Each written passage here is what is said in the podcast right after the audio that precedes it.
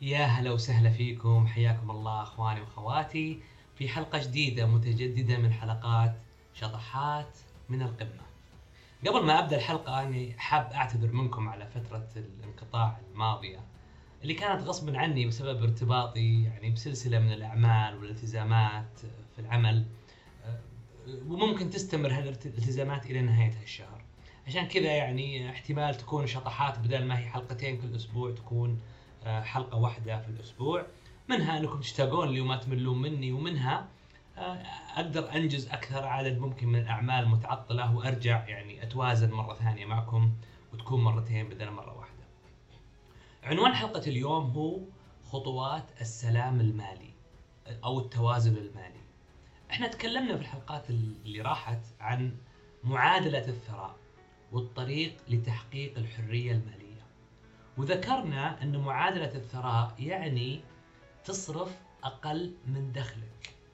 فأنت تشتغل على ترشيد الصرف وفي نفس الوقت تزيد دخلك وتتحكم في مصدر دخلك. وهذا تكلمنا عنه في الحلقات اللي راحت. الجزء الثاني من المعادلة أنك تستثمر الفائض من هالدخل في شيء تفهم فيه وتتعلم وتستثمر في نفسك وهذا راح نخصص له حلقة في المستقبل. وذكرنا أن الحرية المالية يعني أن أموالك أصبحت قادرة أنها تعمل من أجلك. يعني فلوسك تشتغل لك مو أنت تشتغل لها.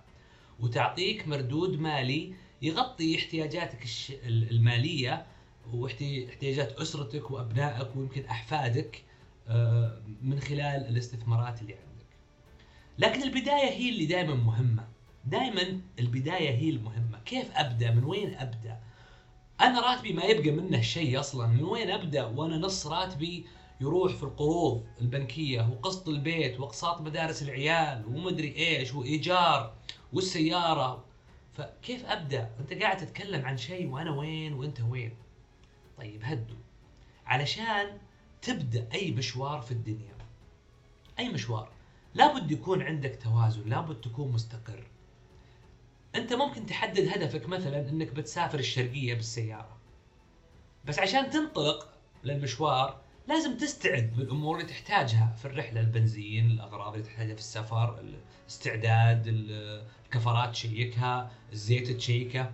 وحتى وأنت تسوق مو بلازم إنك تشوف الشرقية بعينك من هنا من الرياض تشوف ترفع راسك. ما راح تشوف الشرقية. أنت بتشوف الكيلوين اللي قدامك بس. فأنت يكفي تشوف الخطوات القريبة. وبعدين من الخطوات هذه توديك الخطوات اللي بعدها. وعينك أصلا على هدف معين. نفس الشيء في مشوار تحقيق الثروة. أنت في بالك ثروة تبي تحققها. فلا بد تستعد وترتب أوراقك. وتبدأ عشان تنطلق لهذا الهدف. ومو بلازم إنك تشوف الثروة هذه. لا أنت يكفي تشوف الخطوات اللي قدامك. طيب إيش هذه الخطوات؟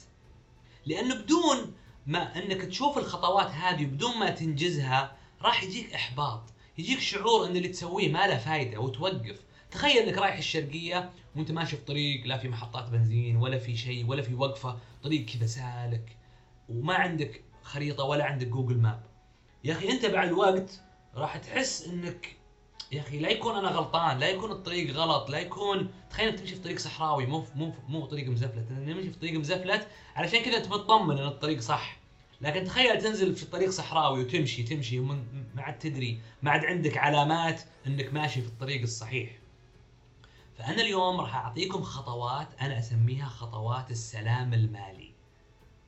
اللي إذا انجزت خطوة راح تعرف إنك كويس رايح الخطوة اللي بعدها. العلامات اللي تعلمك إنك في الطريق الصحيح. إذا أنت تمر بمصاعب مالية ليش سميتها السلام المالي؟ إذا أنت تمر بمصاعب مالية أنت فعليا في حرب مستمرة مع المال. تجيب الفلوس بتعب وجهد هم تروح منك بسهولة. تكافح علشان تجيك الأموال والراتب ينزل هم فجأة تصرفه بدون ما تحس. تتسلف وتسدد فوايد. فطالما إنك في حرب مع شيء فطبيعي إنك ما تحبه.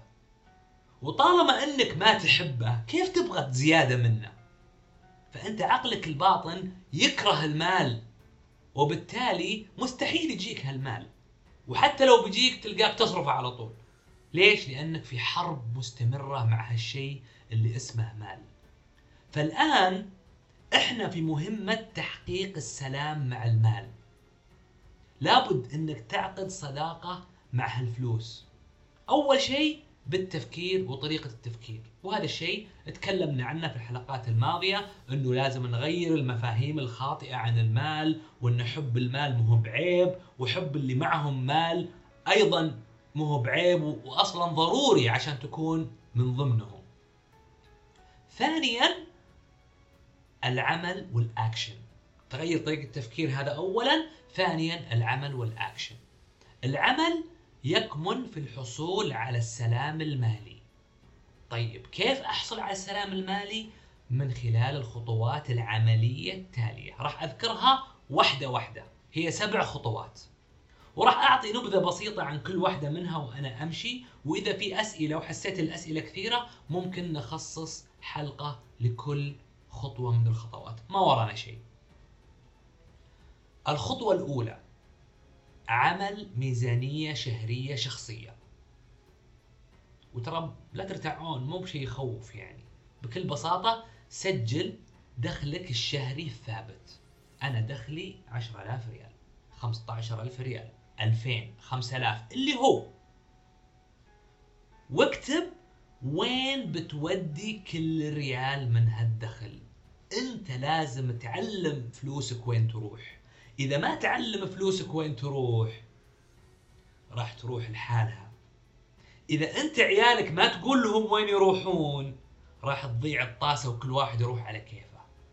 نفس الشيء فلوسك ودخلك. إذا ما تحدد من أول يوم تنزل فيه فلوسك وينزل فيه راتبك لحسابك لازم تحدد هذا الريال بيروح هنا وهذا الريال بيروح هنا. لازم تعلم فلوسك وين يروحون ولا ترى بيصيرون قليلين الأدب ويروحون لأماكن أنت ما تبغاهم يروحون. فأنت تسجل دخلك الشهري وتكتب وين كل ريال بيروح وبعدين اكتب احتياجاتك الضرورية الشهرية الثابتة والاحتياجات السنوية قسمها على عدد أشهر السنة. يعني مثلا أنت عندك أجار كل ست شهور أجارك 20000 قسم 20000 على عدد الأشهر. خلاص هذا مصروفك الشهري اللي خاص بالإيجار. هذه الاحتياجات الضرورية اللي لا يمكن تعيش بدونها اللي هي المسكن والمأكل والمشرب والملبس والفواتير. الحد يعني الأدنى من هذه الأشياء. هذه سجلها. وأيضا الادخار تسجله كأنه مصروف ثابت أقل شيء 5% ممنوع تلمسه. فالخطوه الأولى سوي ميزانية شهرية. ممكن أساعدكم أرسل لكم نموذج إكسل تعبون فيه الميزانية الشهرية هذه. دخلك ومصاريفك. الآن الخطوة رقم اثنين. سوي صندوق طوارئ. اسمه صندوق الطوارئ. لا يقل عن 5000 ريال. لابد يكون عندك مبلغ 5000 ريال على الأقل. هذه مي بادخار ولا هي علشان تصرفها في شيء بعدين تدفع فيها مقدم سيارة ولا تدفع فيها أجار. لا لا لا لا. هذه الخمسة آلاف للطوارئ اللي ما توقعتها. الشيء اللي جاك فجأة من السماء. الشيء اللي عادة تروح البنك تاخذ قرض بسببه. خليه عندك كاش في البيت. حطه في ظرف. ولا تدري حطه في مكان صعب إنك توصله. مثلا حط لوحة زجاجية عندك فك اللوحة وحطها من ورا عشان ما تشوفها. بس أنت عارف إنها هنا وما حد يعرف انها, إنها هنا إلا أنت. وحتى بعد لو يصير اللوحة ما تنفك إلا لما تكسر القزاز عشان تتأكد إنك ما راح تستخدمها إلا للضرورة. مثل إيش؟ مثل تعطل مفاجئ في السيارة، مرض لا قدر الله ما غطاه التأمين أو ما عندك تأمين، مشكلة تحتاج علاج، الخادمة عندك صار لها مشكلة ومرضت ولازم تدفع لها. أي شيء تحتاج المال بشكل ضروري. مشكلة صارت لك تبغى تكفل أحد يطلع من السجن ولا أحد بيكفلك يطلعك. فهذه تستخدمها للضروري. وإذا استخدمت منها أي مبلغ لازم ترجعه مرة ثانية تكمله 5000 مرة ثانية. ممتاز؟ هذه الخطوة رقم اثنين. الخطوة رقم ثلاثة. الآن هي أصعب مهمة. وأثقل مهمة. ولكنها أمتع مهمة. مع الوقت كل ما لها تزين. وهي مهمة القضاء على الديون. ما في مليونير صار غني من ديون. ما في. ما في أي واحد صار مليونير. اساله قل هل أنت صرت غني علشان أخذت قرض 400 ألف من البنك؟ لا. هو ممكن يستخدم تسهيلات. بنكية في الشركات اللي عنده. هذه غير هذه ما هي بديون. هذه أصلا ما أخذها علشان يسوي منها فلوس. الديون ولا ترى ما وعلى فكرة مو القرض العقاري. القرض العقاري ما يعتبر دين من الديون اللي أقصدها. أنا أقصد القروض الاستهلاكية. القرض اللي أخذته علشان تشتري سيارة. القرض اللي أخذته عشان تسافر. البطاقات الائتمانية. متسلف من واحد عشان تعطي واحد ثاني. متسلف عشان تدفع أجار. هذه القروض حطها في قائمة. أول قرض أصغر قرض وآخر قرض أكبر قرض. رتبها كذا من الصغير للكبير. لا تقعد تقول لي والله هذا نسبة الفائدة عليه أعلى هذا أهم. نسبة الفائدة ما هي بمشكلتك مشكلتك أنت في القرض نفسه. فترتب القروض عندي قرض كذا عندي فلان سعد يبغى مني خمس 500 ريال وهدى تبي مني 3000 ريال. وأخوي يبغى مني 7000 وعندي بطاقة ائتمانية عليها 10000 وما أسدد إلا الحد الأدنى وعندي قرض السيارة 60000 ريال. رتبها بهذا الشكل. واكتب قرض كذا وقدام المبلغ المستحق. أغلبكم لو اساله كم باقي على سيارتك يقول ما يدري. وهذه مشكلة. لازم تدري. فتحط قائمة بالقروض. ممتاز. وحط لنفسك هدف إنه بعد سنتين ثلاث أربع خمس راح تكون إنسان بلا ديون. حتقول تحط إنه أنا إن شاء الله عام كذا خلاص كل الديون هاي راح أقضي عليها يصير بحد في الدنيا يطلبني ريال. ممتاز؟ لأن المقترض دائما عبد لدى المقرض. شئت أم أبيت؟ بوجود القرض على رقبتك ترى في هم راح يتعبك كل يوم. قبل ما تنام راح تحط راسك على المخدة راح تتذكره. قرضك عند أحد يخليك أسير له غصبا عنك. حتى لو كان أعز الناس حتى لو كان أبوك أخوك أمك. ما دام مقترض منه آه، تخيل إنك مقترض من من أخوك 10000 ريال. وبعدين تبي تسافر. وشلون بتناضد؟ كيف تحط عينك بعينه؟ أنت بتسافر توسع صدرك وأنا أبغى منك 10000 ريال. فأنت حتى لو سافرت يمكن ما تعلمه إنك سافرت. فدائما أنت أسير لدى اللي يقرضك الفلوس. حتى لو كان قريبك حتى لو أبوك أخوك زوجك زوجتك. فكل شهر هاجم القرض الأقل. أقل قرض 500 حط في بالك هالشهر بقضي عليه. طاح واحد. هذا إنجاز. هذا يوريك إنك في الطريق الصحيح. راح تتحمس. بعدين القرض اللي بعده. أوه هذا القرض بطاقة ائتمانية عليه 10000 كل شهر ياخذون مني 600 ريال حد الأدنى. كل شهر 600 ريال. رح للبطاقة الائتمانية وقل أنا بسدد أم أمها. أنا بخلي ولا وقصها بعد عشان ما تستخدمها بعد. ممتاز؟ فتسدد هالبطاقة الائتمانية. كل شوي تسدد. 10000 الشهر اللي جاي صارت ثمانية اللي بعده صارت ستة اللي بعده صارت أربعة اللي بعده صارت 2000 اللي بعده صارت صفر. إيش معناته؟ معنى الشهر الجاي ما في حد أدنى للبطاقة الائتمانية خلاص. هذا الحد الادنى صار لك أنت. اللي بعده قرض السيارة كل شهر ياخذون 2000 حط 4000 5000 حط دور من هنا ومن هنا حاول إنك تجمع علشان تقضي على هذا القرض اللي يقض مضجعك وياخذ منك 2000 كل شهر. بعد ما تخلص ما في أحد يأخذ منك 2000 كل شهر ال 2000 صارت حقتك أنت. شوفوا قرارات مثل هذه صعبة. صعبة. لازم تغير تفكيرك الآن. ليش؟ لأنك أنت الآن في موقف تأخذ من الناس فلوس، إذا راحت القروض راح تكون في موقف أنت تعطي فيه الناس فلوس وتساعدهم بدل ما تكون عالة على الناس وعالة على المجتمع. كلام يمكن يزعلكم. لكن طالما أنك تأخذ قروض وتمشي حياتك بالقروض أنت عالة على اللي حولك. وعشان تسوي هالخطوة واللي قبلها أنك تجمع 5000 وتسوي تسدد القرض أول بأول تحتاج تسوي عملية جرد منزلية.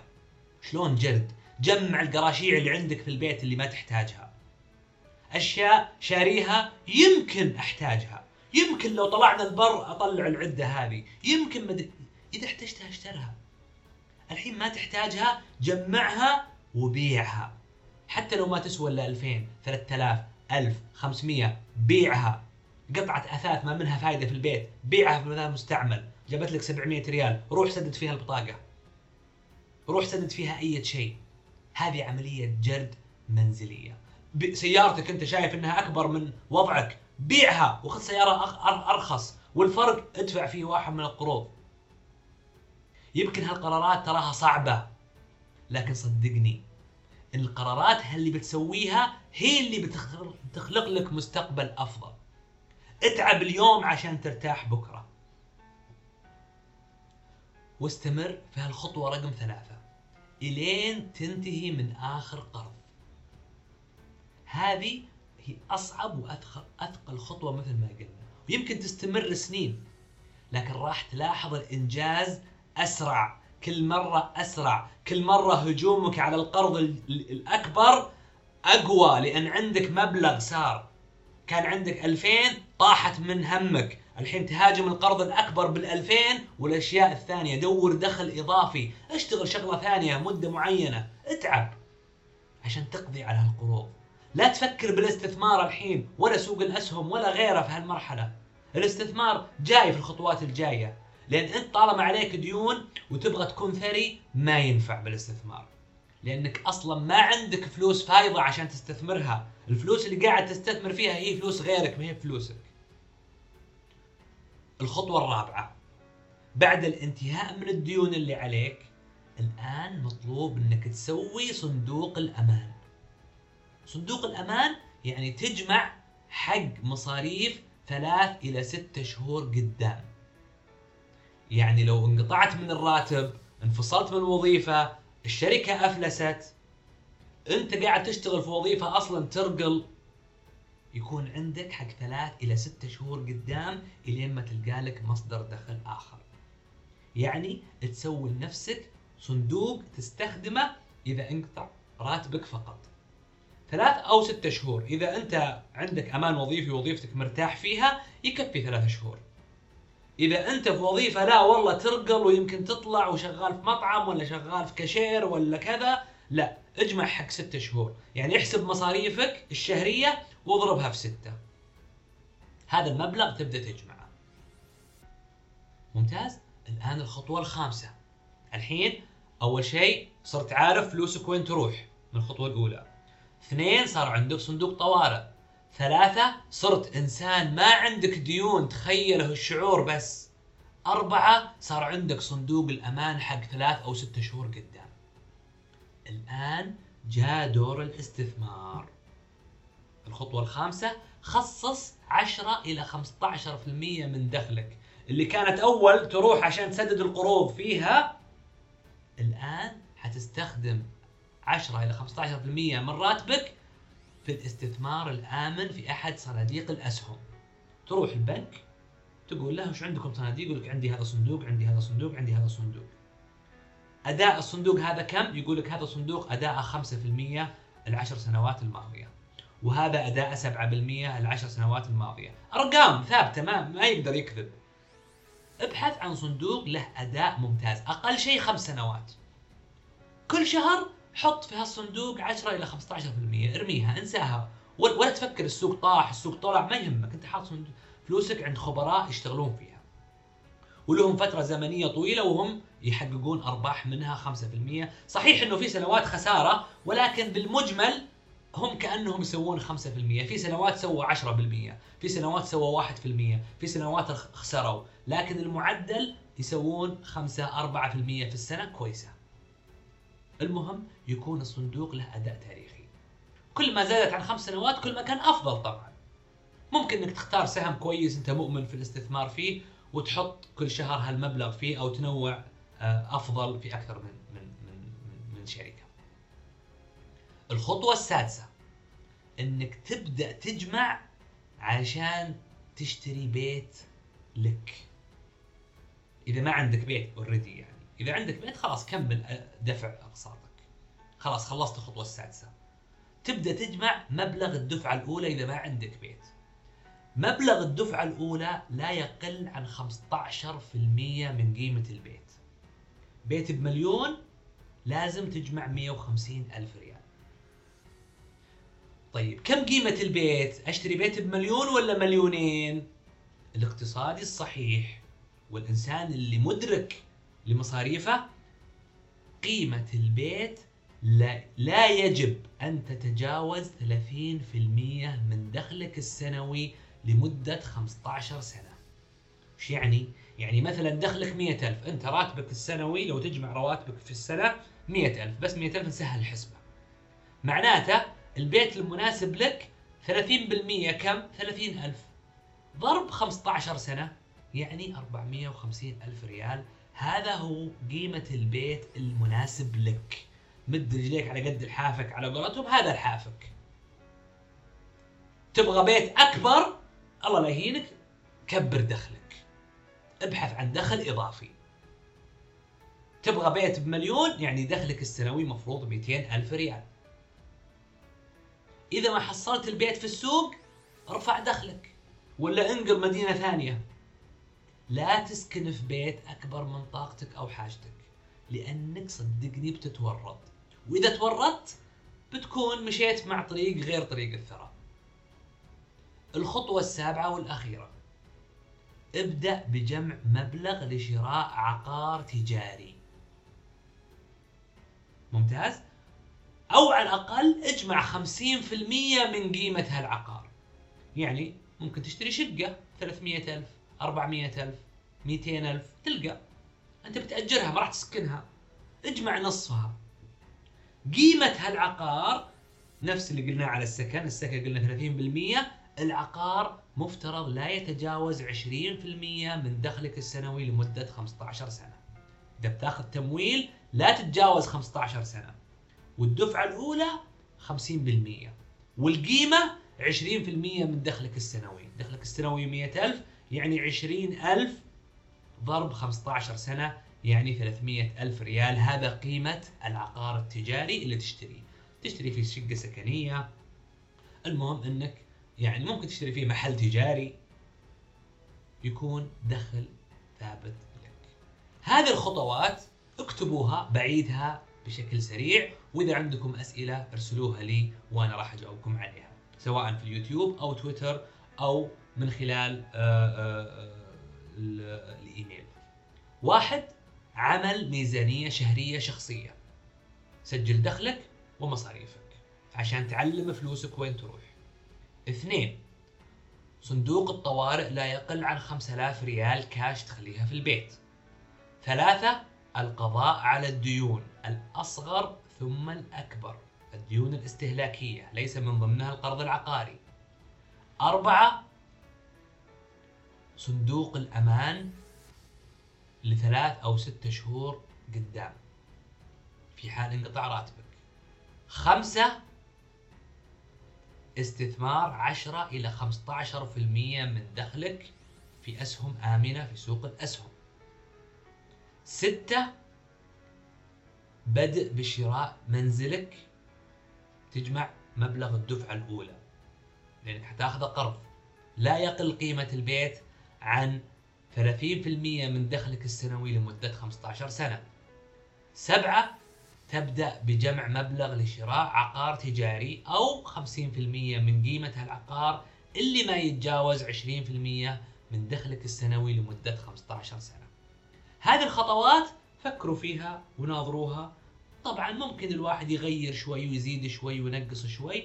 يعني ما هي قرآن في الأخير هي دراسة اقتصادية أنا اطلعت عليها وشفتها وكثير من الناجحين في الحياة بدأوا بشكل مباشر أو غير مباشر بهذه الخطوات. آسف جدا على الإطالة. حلقة اليوم دبل حلقتين في حلقة واحدة. معليش تستاهلون عقب فترة الانقطاع الماضية. أعطيناكم حلقة دسمة وأتمنى أنها نفعتكم. نشوفكم على خير في الحلقة القادمة. دمتم بصحة وعافية.